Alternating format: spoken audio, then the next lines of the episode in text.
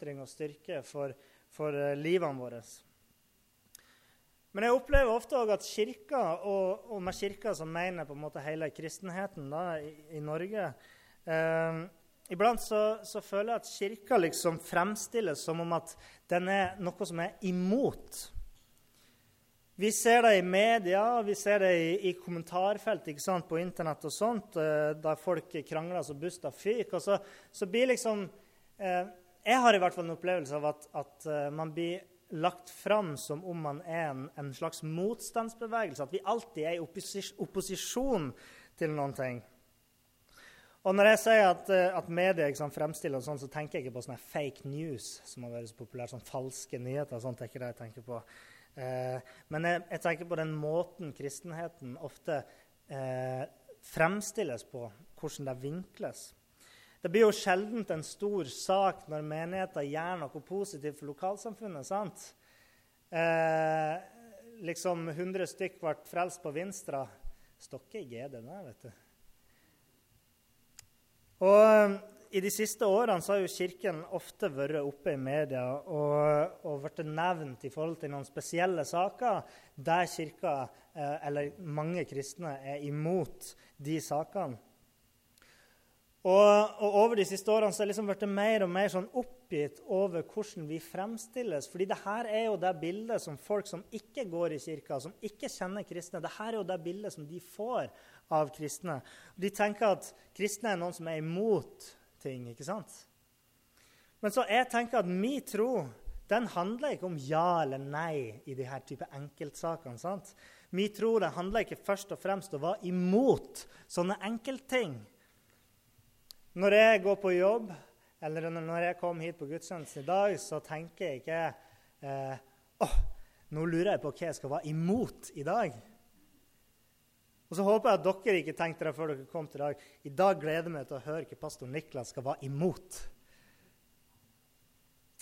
Og um, det er jo sånn ikke sant, at Bibelen Der står det i Johannes 3, 16 eh, For så høyt har Gud hatet synden at han sendte sin sønn Nei, det gjør jo ikke det. Det står ikke at Gud Den har ikke vektlagt at Gud er imot, at han hater, men han har vektlagt at for så høyt har Gud elsket verden at han sendte sin sønn. Det står ikke størst av alt er hatet, men det står størst av alt er kjærligheten. Og Gud drives ikke av hat imot, men han drives av kjærlighet for. Og vi skal ikke la media eller noen andre ha definisjonsmakt over vår identitet som kristne og vår identitet som kirke, det er det vi sjøl som skal styre. Og så skal vi ikke bli på en måte tiltaksløse, at man, man gir litt opp og, og, og sånn når, når, kristne fremstilles som noen som er imot. For det vi har muligheten til å snu det bildet som mennesker får av Kirken i media. Og vi har Muligheten til å være nådig når vi møter mennesker, og være nådig i den måten vi tar imot mennesker her i menigheten. Uh, vi kan ta neste punkt, Fredrik. Å være nådig handler om å vise kjærlighet når man møter mennesker, og, og på en kjærlig måte prøve å imøtekomme menneskene sine behov. Uh, og vi skal vise kjærlighet ved å, ved å, møte menneskers faktiske behov. Men så tenker jeg også at noen ganger så, så, kan det være fint å prøve å møte folks på en måte litt mer sånn, eh, sånn subjektive behov, og behovet de opplever at de har, men som egentlig ikke er en nødvendighet, hvis dere skjønner. For eksempel, så, så jeg har jo aldri servert vassgraut til middagsgjester når de har kommet på besøk. Fordi at vassgraut er, er billig, så tenker jeg at ja, det er jo næringsrikt òg med, med, havre, og sånn, så det serverer bare vassgrøt. Og så får de jo mat, så er alle fornøyd. Men jeg velger å, å møte dem på en litt mer nådig måte, fordi jeg forstår at de har et ønske og kanskje et behov om mat som har smak. som ikke smaker vann. Og da, da, selv om de kanskje kunne overlevd på vassgrøt, så, så, prøver vi å kokkelere opp noe som, som er litt mer smakfullt enn det. Å møte noen med nåde er ikke bare å vise kjærlighet til de som har behov, heller. Men det er òg å vise kjærlighet til de som i våre øyne ikke har fortjent kjærligheten. De som vi opplever de fortjener ikke å bli elska, de skal vi òg møte med nådig kjærlighet. Eh, og jeg har en god historie å fortelle akkurat i forhold til deg. Eh, det var, dette er historien om da uttrykket 'å ta en Jesus' oppsto. Eh, så det var sånn at eh, Jeg og en kompis vi, vi, var hjemme. Vi holdt på å lese til en eksamen på Menighetsfakultetet. Eh, jeg satt i stua og leste, og han satt ute på rommet. ikke sant? Og så, så plutselig så kommer han inn i, i stua og kødder litt med meg. og sånt, og Han hadde pause, og jeg satt og leste, og så kom han og kødda med meg. Og så tok han liksom hodet mitt i et sånt grep sånn her. sant? Og så tok han knokene, og så kjørte knokene i hodet på meg og rista godt. sant? Han, han skulle jo bare tulle med meg, så det var ikke slemt meint. Men det var altså så vondt, for han gjorde det så hardt. Og da jeg fikk sår i hodebunnen Så ille var det. Det var liksom brannsår i hodebunnen på meg. Og jeg ble mektig irritert, for å si det sånn. Og da sa jeg bare vent. Du skal få så sykt igjen for det der, sa jeg. Jeg, jeg var riktig sint, altså. Eh, og han skjønte at jeg var sint. Eh, og da var jeg ikke nådig, for å si det sånn. Litt senere på dagen så, så, eh, gikk jeg på butikken, og da, da, hadde jeg på en måte fått uh, roa ned temperaturen i topplokket her litt. Og så var jeg på butikken, og da tenkte jeg jeg kjøper meg litt godteri og litt sånn her, sant, til han kompisen min. Og så gikk jeg hjem og så kom jeg inn på rommet hans, og så ga jeg han sant, de godsakene som jeg hadde kjøpt han, Og så ble han skikkelig overrasket, for han tenkte jeg fortsatt var sint på han da. Uh, og så ser han meg rart med sånn hva, hva er det her for noen ting? Eh, hvorfor, hvorfor, får jeg det her? Eh, så sa jeg at eh, jeg tok en Jesus. Altså, jeg viste kjærlighet til en kar som absolutt ikke fortjente det. sant? Så jeg fant fram nåden i meg likevel. Men det her er jo sånn Jesus er. Og det var derfor jeg, kom på det uttrykket når jeg sto der i døra hans. Eh, det er jo sånn Jesus er. Han viser kjærlighet og nåde til alle, sjøl om de ikke har fortjent det. Uansett eh, om, om man har liksom vært slem eller likegyldig mot Jesus, så viser han de kjærlighet. Og Vi kan se på hvordan Jesus behandla samaritanerne, f.eks. Samaritanerne var jo et folkeslag som var eh, sterkt mislikt og egentlig utstøtt fra, fra eh, jødene, det jødiske samfunn. Um, og Samaritanere og jøder holdt seg stort sett borte fra hverandre og hadde gjort det i, i mange århundrer. Det var jo slik at, uh, at samaritanerne hadde tatt med seg en del av den jødiske religionen, men uh, allikevel på en måte uh, tatt med inn litt sånn hedenske ting og, og, funnet på litt egne skikker og sånt. Og I tillegg så hadde de vært med og på en måte motarbeida at, at jødene skulle prøve å samle Israel til et nytt rike. Så derfor så var ikke de her så veldig gode venner. Og samaritanerne var altså en minoritet i Israel eh, på Jesu tid. Men når Jesus reiser gjennom Samaria, da, og så møter han en samaritansk kvinne ved en brønn, og Jesus setter seg ned der. Historien her står i Johannes kapittel 4. Og Så spør Jesus denne kvinna ved brønnen om han kan få litt vann. Og denne dama blir skikkelig overraska over at Jesus, som, som da var jøde, kunne snakke med henne, uh, hun som var samaritaner. Sant? Det var jo uhørt for en jøde å gjøre det. Og ser dere hva som skjer her? At Jesus, til tross for at han er jøde, så tar han kontakt med henne her. Det er han som initierer, på en måte, tar initiativ til den kontakten som de får. Og på den måten så bryter han med alle forventningene som lå i samfunnet. Han brøt med nordmenn. Og og liksom eh, Ikke bare var denne kvinna samaritaner, men hun var jo nettopp kvinne attpåtil. Og, og det var jo òg ikke alltid greit for en jødisk mann å, å, snakke til en samaritaner, men i hvert fall ikke en samaritansk kvinne. Og Det er derfor disiplene blir eh, overraska når de kommer dit og finner Jesus i samtale med denne kvinna. Eh, og Det er ikke for å si at det er noe gærent med kvinner, eh, det er ikke det, men i datidens samfunn så mente de at det var noe gærent med dem. Eh, men i løpet av samtalen her da, så kommer Jesus med noen kunnskapsord til denne dama. Eh, og han sier at eh, du har hatt mange menn. Du er elska med mange menn. Og nå har du også en, en, Nå er du elskerinna til en mann som er gift. Eller han var i hvert fall ikke hennes mann, står det. Uh, og da, da, var det liksom enda en ting som gjorde at Jesus ikke skulle ha hatt noe på en måte relasjon eller kontakt med henne, for hun var jo en synder i tillegg. ikke sant? Men han gjør det allikevel. Og så blir det en god samtale ut av det, som ender med at mange av de som er i byen hennes, blir frelst pga. at han tok kontakt med denne ene dama ved brønnen. Og de skriftlærde, ikke sant, de jødiske religiøse lederne og andre kjepphøye og arrogante og, og sjølrettferdige folk var imot samaritanerne og skulle sikkert ønske at de ble kasta ut av, av, Israel for godt. For at sam, samaritanerne hadde jo vært med på å motarbeide Israel. og ikke sant sånn. Så de fordømte jødene, de skriftlærde og, og de andre som, som uh, var på en måte sjølrettferdige av, av jødene. Men Jesus han kom også, han var for denne kvinnen. Han var for alle de her menneskene i Samaria. Og Derfor så møtte han de ikke med fordømmelse, men med nåde. Jesus ble i den byen i to dager. Og på de to dagene så var det som sagt mange som ble frelst.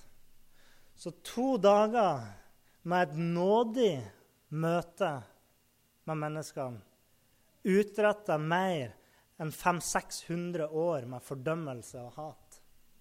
Sant?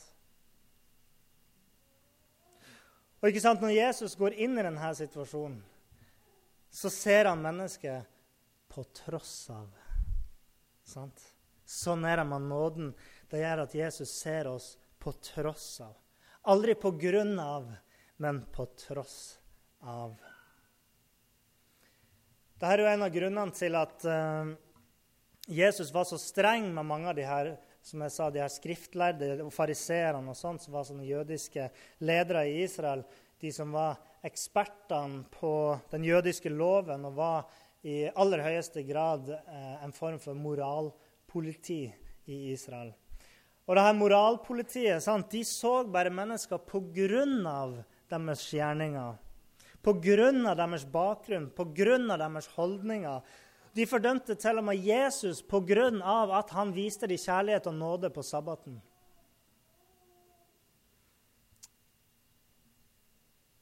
Og Jeg snakka om det at uh, media ofte framstiller kristne som fordømmende. Uh, eller at folk oppfatter oss som fordømmende, i hvert fall gjennom media. Og, og Det gjør at folk kanskje har et bilde av Kirken som som ligner på vårt bilde av de her skriftlærde og de her fariseerne. At Kirken er noen som er imot. Kirken er noen som ser mennesker på grunn av og ikke på tross av. Og, og jeg skal være helt ærlig og, og, si at nå har jo ikke jeg levd så lenge, men jeg kjenner mange som har levd lenge, og som har fortalt historier. Og, og jeg tror at vi kristne ofte sjøl har vært med og gravd vår egen grav og skutt oss sjøl i leggen på dette punktet. Fordi jeg tror at litt for ofte så har vi vært litt for fordømmende når vi har møtt mennesker. Kanskje litt for ofte har vi heva våre stemmer når vi er imot. Kanskje litt for ofte har vi sagt vi er imot, og ikke vi er for. Litt for ofte så har det blitt sagt på grunn av din synd så er du ikke velkommen. I stedet for å si på tross av din skyld er du velkommen. Og en god test er å se på, på Jesus sin måte å tilnærme seg syndere og utstøtte og spørre seg sjøl hvordan møter er mennesker som ikke mener det samme som meg. Hvordan reagerer jeg når jeg møter folk som er annerledes enn meg sjøl. Når vi legger fram de her tekstene, vi som bruker å holde som prekener, og sånt, og legger fram sånne tekster som denne teksten med den samaritanske kvinnen, så prøver man å forklare hvilken rolle denne kvinnen hadde i forhold til Jesus. Og det er for å hjelpe oss til å forstå, eh, for, å, for å reflektere over hvem kunne dette ha representert for meg i dag. Hvem er det jeg ville sett på som så utstøtt at det hadde vært uhørt at jeg hadde snakka med deg? da er det din samaritanske kvinne. Og det er jo sånn at Vi må gjøre sånn som Jesus. sant? Vi må være nådige, vi må være kjærlige. Vi må tørre å være de som tar initiativ, de som tar kontakt, sånn som Jesus. Og vi må øve oss i å ikke være redd for å ta kontakt med de som ikke liker oss sjøl. Nåden den er for alle, og de som trenger det aller mest, det er de som er aller lengst borte.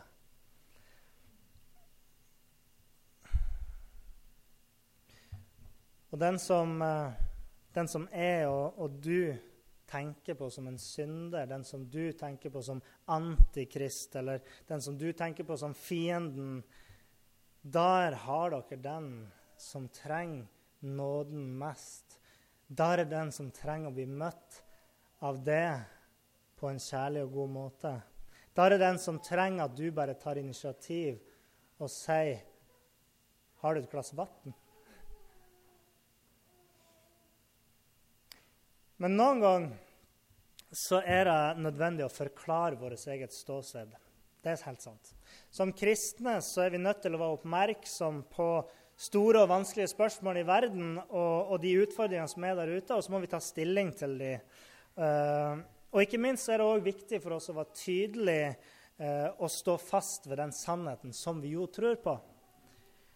Men la oss snakke litt om hvordan vi vektlegger det budskapet vi bringer ut til verden. Vi kan ta det neste punktet. Mm.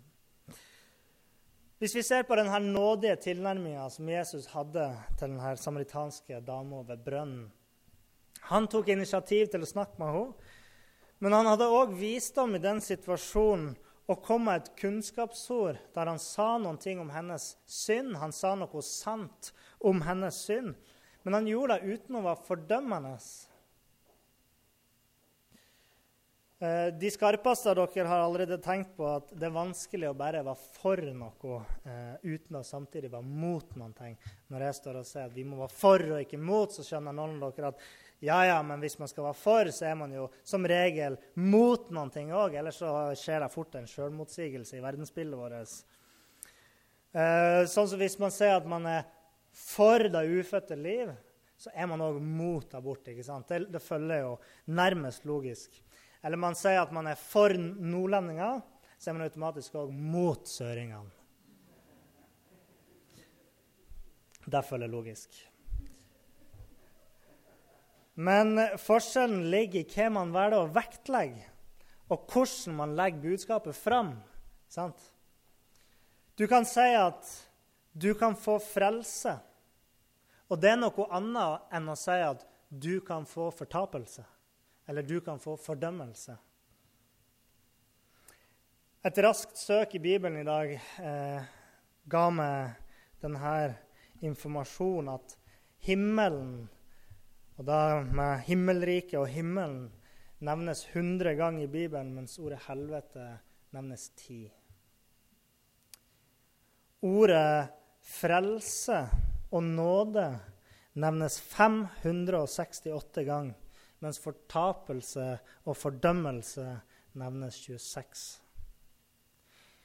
I Nytestamentet så bruker man ordet kjærlighet 81 gang, mens ordet hat én gang i den formen hat. Mens verbet 'å elske' nevnes 164 gang, mens verbet 'å hate' nevnes 32 gang. Akkurat denne oversikten er litt overfladisk, så, så den sier ikke akkurat hvordan denne eh, vektlegginga er. Men poenget er at Jesus kom med gode nyheter til verden han hadde gode nyheter om at nå er Gud nær oss mennesker. Nå har han tatt initiativet til å være sammen med oss, til tross for våre feil og våre mangler. Og Som jeg sa i stad, så står det ikke i Bibelen 'for så høyt har Gud elsket synd', men det står 'for så høyt har Gud elsket verden'. Og evangeliene, historien om Jesus, de kalles gode nyheter fordi de er nyheter om nåde, eh, om mening, om frihet, om håp om kjærlighet, om nytt liv for alle mennesker. Evangeliene de kalles gode nyheter. De kalles ikke advarsler. Eller de kalles ikke de dårlige nyhetene om helvete. men de heter de gode nyhetene om, om Guds rike. Så i stedet for å true folk med å kaste forbannelse over mennesker, så viste Jesus nåde ved å helbrede folk. sant? Han kunne ha sagt 'nåde det hvis du ikke følger med'. Og så kunne han ha gjort, eh, gjort folk syke. De folkene som ikke fulgte han, ja, de får kasta sykdom på seg. Og så kunne han ha advart folk og kommet med pekefingeren og sagt 'Her er det som skjer med dere hvis dere ikke følger med'. Men han gjorde ikke det. Han hjalp mennesker og gjorde dem friske. Og han sa at 'kjærligheten er min vilje for dere'. Og så sier han 'dette er mitt bud til dere. Dere skal elske hverandre sånn som jeg har elska dere. Jesus han ville ikke at vi skulle vende om av frykt for en straff. sant? Han ville at vi skal vende om av genuin kjærlighet til han. Han vil at vi skal vende om pga. et håp, ikke pga. frykt. Så måten man legger fram et budskap, har så stor betydning hva man velger å vektlegge når man legger fram en ting, har så stor betydning hvordan man velger å, å si en ting, å si en sannhet. Jeg hadde en venn som jeg jobba med før jeg flytta hit til Øyer, eh, som var homofil. Og eh, da Jeg vil tro at det er mange kristne som da ville ha sagt at eh, at uh, da skulle jeg ha bare fortalt han at han lever i synd, og, og, at han bare måtte vende om. Og hvis han ikke gjorde det, så skulle jeg bare ikke ha fellesskap med han. Uh, jeg skal ikke si det er mange kristne, men jeg tror noen kristne hadde foreslått den framgangsmåten. Og da ville jeg sagt nei, absolutt ikke. Jeg skulle ikke møte han med advarsler, men jeg skulle møte han med, med nåde og respekt. Og jeg skulle behandle han som jeg behandler alle andre mennesker. Alle mennesker fortjener å bli møtt med nåde. Så vi lo sammen på jobben, ikke sant? Og, og, vi satt sammen på bussen, og akkurat sånn som alle andre folk.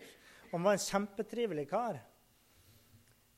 Og, eh, og de jeg jobba sammen med, de visste jo at jeg var pinsevenn. Og, og i samtaler på jobben så kom det jo frem at jeg var konservativ, og hvor jeg sto i de her spørsmålene her. og, og sånt, ikke sant? Men, men jeg følte at jeg ble møtt med respekt for det. og og når vi var ferdige å jobbe der, så sa folk liksom, For da var vi ikke lenger liksom, på jobb, og hadde vi en, en fest. Og, og, så sa liksom sjefen min at jeg, jeg bare beundrer deg, Niklas, for at du, du, er så tolerant og, og så inkluderende og sånn. Og det var veldig fint å høre, men jeg ønsker jo ikke at det bare skal være liksom, der ute i verden. Men jeg vil at vi skal ta med oss de samme tankene og det samme sinnlaget inn her. Kan man ikke det? At folk kan komme inn her og, og føle at her er Guds nåde. Ikke bare ved Guds nærvær, men òg i oss. Og at de ikke møter vår fordømmelse. Jeg tenkte at vi skulle ta en titt på eh, når Jesus kaller til seg Sakkeus. I denne historien så ser vi igjen at det er Jesus som tar initiativet og, og roper på Sakkeus. Og Sakkeus var en toller, og tollerne de ble sett på som eh, noen skikkelige kjeltringer som pressa penger ut av folk. Og, og, det er klart, De var jo noen skikkelige kjeltringer òg iblant. Eh, og, men Jesus han går bort til Sakkeus allikevel, og så ber Jesus om, at, om, å få lov til å bo hos han. Og Mange som hørte om dette, de, de fordømte jo dette og syntes at det var utrolig dårlig at Jesus ville være sammen med en sånn som Sakkeus. Men pga. sitt møte med Jesus så ser vi at det skjer noe med han. Eh, vi leser fra, fra Lukas 19,8. Men Sakkeus sto fram og sa til Herren, Herre, halvparten av alt jeg eier, gir jeg til de fattige. Og har jeg presset penger av noen, skal de få firedobbelt igjen. Det er et ganske stort offer. Han prøver å gjøre godt til ham. Så uten at Jesus I hvert fall får ikke vi vite så uten at på en måte Jesus eh, påpekte at det var synd å presse penger ut av folk, og si til Sakkeus at Sakkeus, du er en kjeltring, tollere er noen skikkelige kjeltringer Uten at Jesus gjorde det, så skjer det likevel noe med Sakkeus når han møter Jesus. Pga. Jesu nådige tilnærming til han, så vender han om. Og så ville han plutselig gjøre godt igjen alt det han hadde gjort gærent. Og Da sier Jesus i vers 9.: I dag er frelse kommet til dette huset. Men det jeg sier i dag, det er ikke at vi skal slutte å, å snakke om det å bli bedre mennesker. Slutte å snakke om de tingene som, som er gærent, og, og slutte å snakke om å leve etter Guds vilje. sant? Men det handler om måten vi, vi møter mennesker, og, hva vi velger å fokusere på når vi møter dem, og når vi snakker om det budskapet vi ønsker å gi til folk. Møter vi mennesker med en fordømmende holdning at vi, som at vi er imot dem og sier at pga. dine handlinger og dine holdninger så kan ikke vi være venner? Eller møter vi dem med en holdning om at vi, vi er for dem og sier at på tross av det du gjør, på tross av alt du noen gang har gjort, så vil jeg være sammen med deg? Dere lovsangerne kan jo begynne å komme fram og klunke litt hvis dere vil. Eh, jeg tror at for ofte så har kristne vært opptatt av å være imot ting. Fordi at man ser ting i samfunnet som man ikke syns er riktig. Og så blir man opptatt av å være imot. I de sakene som presenteres i media, så er man opptatt av å være imot de tingene. Men så kan det òg være i vårt personlige liv at vi ønsker å være imot. Og jeg tror at for ofte så har kristne brukt store deler av tida si på å sette seg inn i, i hvorfor det og det og det er gærent, og, og hva som er synd med det og det og det, og tenke på hvor gærent det og det og det er. Sant? Og Så bruker man tid på å sette seg inn i hvorfor noe er så gærent, og så tenker man på hvor gærent det er.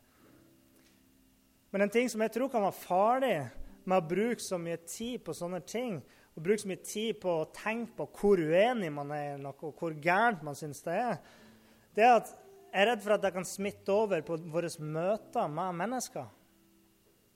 Ok? Jeg er redd for at når vi setter og fordømmer ting, og bruker masse tid på å fordømme visse saker, visse ting, og visse handlinger, visse holdninger, så tror jeg at det kan være en fare for at når vi først møter en person som står for en av de her tingene som vi har brukt mange år på å fordømme, så tror jeg at vi kan tror jeg plutselig at da greier vi ikke å se mennesket som ligger bak, for da ser man bare den fordømrede saken. Sant? Og min tro er at Min tro er først og fremst livsbejaende, og deretter livssynsbeneiende, om du vil. Men er som mener at at når jeg kommer til Gud, så er det først og fremst med takk for Hans nåde, med takk for det nye livet. Og ja, jeg sier ja til livet Han har kommet med. Og deretter så sier jeg hjelp meg å bli enda bedre som menneske. Sant? Men hvis vi begynner å møte et menneske med å si at du må slutte med det og det og det, og, og det og det og det er synd, og du må ikke gjøre sånn og sånn og og så sier man sånn og kommer den fordømmelsen før man introduserer dem for Guds nåde og tilgivelse, så tror jeg det er veldig få som syns at det høres ut som et, et godt budskap. Jeg tror folk vil, I deres ører vil det høres ut som det her er jo dårlige nyheter. Og da har vi blitt sånn som de er, de er fordømmende skriftlærde og, og fariserene som Jesus stadig kritiserer. Og jeg tror ikke at vi skal lede an med at vi er imot en masse ting og fordømme en hel haug med handlinger. Men jeg tror vi bare må lede an med, med Guds nåde og Guds kjærlighet. sant? Og vi må bare vise verden at vi er ei kirke som står sammen for det største i livet, og ikke at vi er imot en masse enkeltting og småsaker. Jeg tror at vi må, må, vise verden at vi er i kirka som lar alle komme inn, som lar alle føle seg velkommen. Og, og da tenker jeg ikke bare her på søndagen på gudstjenesten vår, jeg tenker ikke bare på Connected på fredager, eh, og ikke bare i dette bygget her, men jeg tror at det er noe som vi må ta med oss eh, ut i hverdagen vår, som gjelder for hele livet. Og at vi ute i hverdagen tørre å oppsøke folk og være sammen med folk som, vi kanskje er uenige med, og ikke bare uenige, men klinkende uenige. Fordi at kanskje så er det bare et initiativ fra det som skal til for å forandre livet til et annet menneske. Som Jesus som møter denne kvinna som sier 'Har du et glass vann?' Og det var starten på en samtale som frelste mange liv i den byen. Og det samme initiativet som Jesus tok med Sakkeus og sa 'Kom hit'. Det var ikke mer enn det. Så hvis du er her i dag eller du hører på podkast, og, og, du opplever at dette budskapet snakker til deg, snakker til, til hjertet ditt, så er det jo sånn at vi tror at Gud er en Gud som kan gjøre det umulige. Og jeg tror at sjøl de tingene som jeg snakker om i dag, det er prinsipper som, eh, som til og med de som ikke er kristen, kan stille seg bak. Eh, det å møte noen med kjærlighet, med respekt og med nåde. sant? Men vi tror òg at, at, noen ganger så er ikke det nok. Noen ganger så må man elske de uelskbare. Og da er det bare Gud som kan gjøre oss sterke nok. Så vi tror at Gud kan hjelpe oss til å strekke oss enda lenger i å møte mennesker med respekt og med nåde enn det vi kan på egen hånd. Og Gud kan hjelpe oss med så mange ting til å elske de uelskbare. og til å være frimodig til å ta initiativ og til å lede oss til rett sted og til å gi oss visdom inn i enkeltsituasjoner. Uansett hvem du er, så tror jeg at vi stadig har et behov om å bli påminnet de her tingene her. Eh, det at Gud elsker oss på tross av, ikke på grunn av. På tross av alle våre handlinger.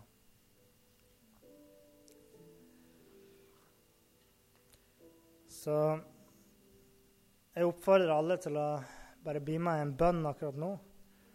Der vi bare kan uh, lukke øynene og, og, åpne hjertene våre, og så sier du til Gud i ditt hjerte Far, jeg takker deg for, uh, for at du møter meg uten fordømmelse. Jeg takker deg for at du er for meg, og at du ser meg på tross av mine svakheter, Herre. Jeg takker deg for at du elsker meg, og at du var villig til å gjøre hva som helst for å være sammen med meg. Jeg ber om at du skal eh, hjelpe meg til å møte andre mennesker sånn som du har møtt meg. Jeg ber om at jeg skal kunne være modig nok til å oppsøke andre sånn som du oppsøkte meg. Gi meg visdom til å vite når det, eh, når det er tid for å, for å være tydelig i din sannhet. Og hjelp meg med å ikke fylle meg med fordømmelse, men fyll meg med din kjærlighet, Herre. Mm.